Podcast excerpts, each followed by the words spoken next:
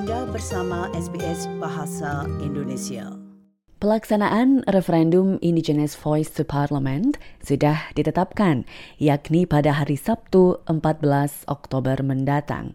Australia pendengar akan melakukan pemungutan suara untuk memasukkan suara masyarakat adat ke dalam konstitusinya.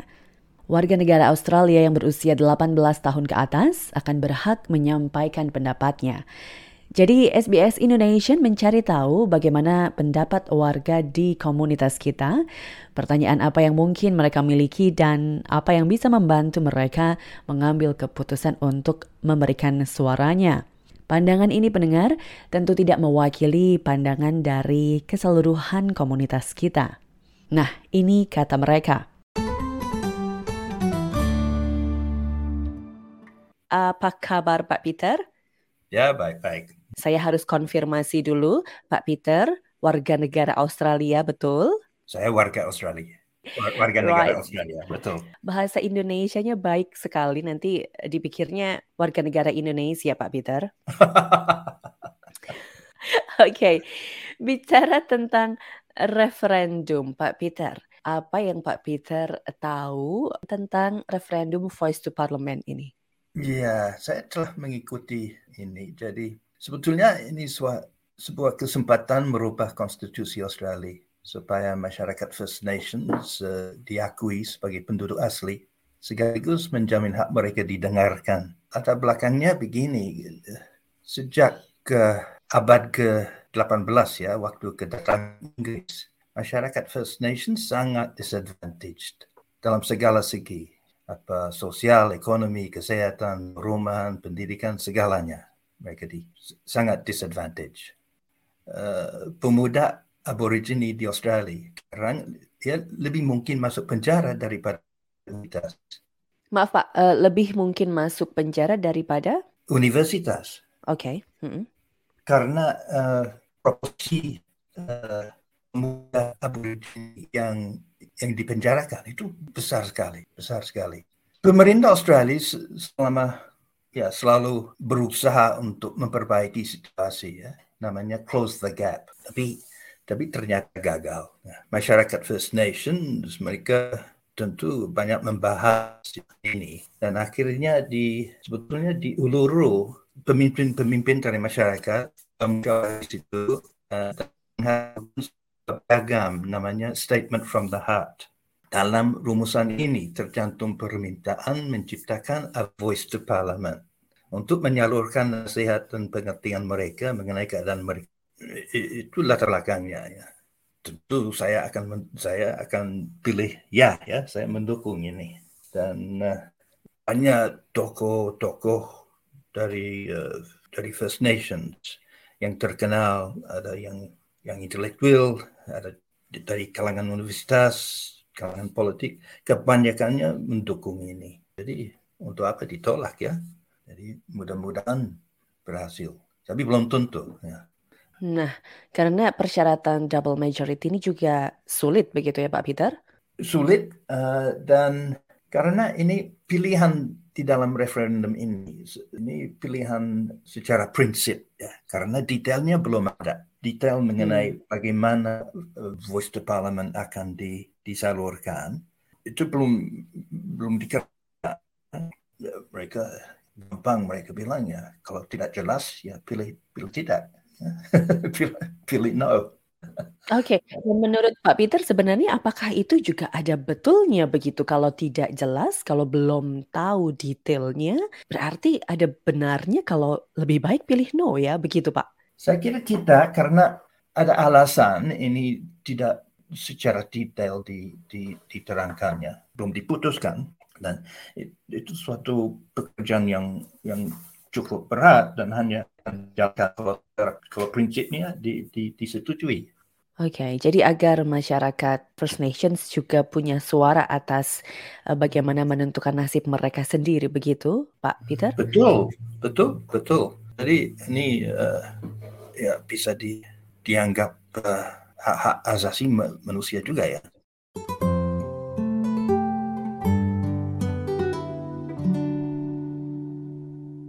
Surya, tahu nggak? Ini referendum akhirnya tanggal berapa pelaksanaannya? Tanggal Oktober tanggal 14 kalau nggak salah. 100. Nah, apa sih yang uh, kamu tahu tentang referendum ini? Referendum ini adalah keinginan dari First Nation um, melalui representasi dari pemimpin-pemimpin mereka. Mereka mau referendum untuk dilakukan supaya di konstitusi diganti supaya ada voice of the First Nation di konstitusi Australia. Apakah informasi yang kamu tahu itu sudah cukup untuk um, membantumu untuk memutuskan ini akan memilih apa? Uh, dari informasi yang informasi yang sudah diberikan dari teman dari Australian Election Commission dan juga dari berita-berita sudah cukup sih kayak bisa tahu apa yang diinginkan dan keputusannya uh, kenapa harus ada referendum ini dan juga dari um, menurut saya dari pihak yang yang say no terlalu banyak politisir isu-isu yang tidak bersangkutan dengan referendum tersebut. Jadi menurut saya kayak politisasi dan populisme dari politik yang sebelahnya itu terlalu toxic dan malah tidak membantu. So for that very reason I I would say yes just because the other side is so toxic in my opinion pendapatmu akan berubah, bisa tergoyahkan, masih akan bisa bergeser atau sudah pasti akan 100% yes? Sudah pasti 100% yes. Oke, okay, apa sih yang Surya harapkan um, atau expect as in uh, diperkirakan akan terjadi begitu kalau kita sudah lewat tanggal 14 Oktober nanti? Um, dari yang saya baca hasil referendum ini tidak harus dilakukan tidak tidak mengikat jadi paling tidak tidak ada satu kemajuan untuk bangsa Australia secara keseluruhan terutama uh, perihal representasi First Nation yang banyak kekurangan di, di berbagai sektor dan berbagai, berbagai hal. Semoga dengan adanya uh, referendum ini menjadi satu apa yang namanya kemajuan yang one step further untuk bisa mendengarkan apa yang dimau oleh First Nation di Australia dan bagaimana Australia sebagai satu negara bisa bekerjasama dan membangun uh, hal-hal uh, yang memang dibutuhkan oleh First Nation supaya bangsa Australia bisa lebih baik lagi di masa depannya dan um, isu-isu um, yang ada di masa lalu paling nggak ada satu rekonsiliasi dengan First Nations Australia.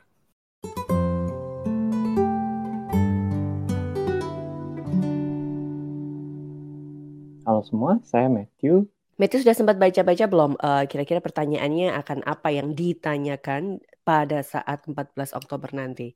Sudah, sudah. Jadi uh, dan saya sudah dikirim uh, pamflet ah. atau booklet officialnya dan di bookletnya sudah dijelasin tentang kayak pendapat yes dan juga pendapat no dari dua sisinya. Jadi bahkan di informasi uh, yang informasi pack yang kamu terima ada dari kedua belah pihak ada, gitu ya? Ada. Oke, okay. dan tidak cuma dari situ aja tapi mungkin juga sumber-sumber lain yang uh, kamu baca atau kamu dengarkan atau kamu cari-cari tahu. Pertanyaannya berarti sekarang sudah tahukah dirimu akan menjawab apa? Saya kira-kira sudah tahu um, mau menjawab apa. Saya kira saya akan menjawab ya pada pertanyaannya uh, di referendum saya sebenarnya sudah ya sudah tahu lah sudah yakin dari dulu awal-awal pada saat referendum ini baru dibahas-bahas doang sekilas. Dan tidak mengubah jawaban, maksudnya dari awal memang eh, condong ke iya, kemudian sampai sekarang mungkin nggak maksudnya nanti akan mengubah jawaban?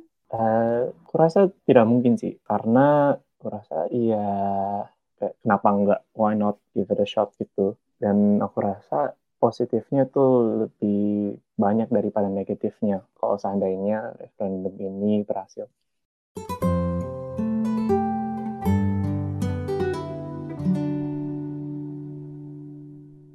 Hi, my name is PJ, and I'm a strong believer in ensuring we have equality for all and ensuring everyone's voice is heard.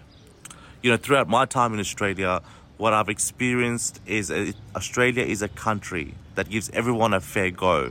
And we should ensure that our country is moving in the direction of ensuring everyone is treated equal, everyone's given a fair go, and everyone has a voice. What I urge in this referendum, which is a historic milestone in our country, is to be an active participant in the democratic process by being well informed and making an educated decision on the referendum. So I urge everyone to be informed and make the right decision. Thank you.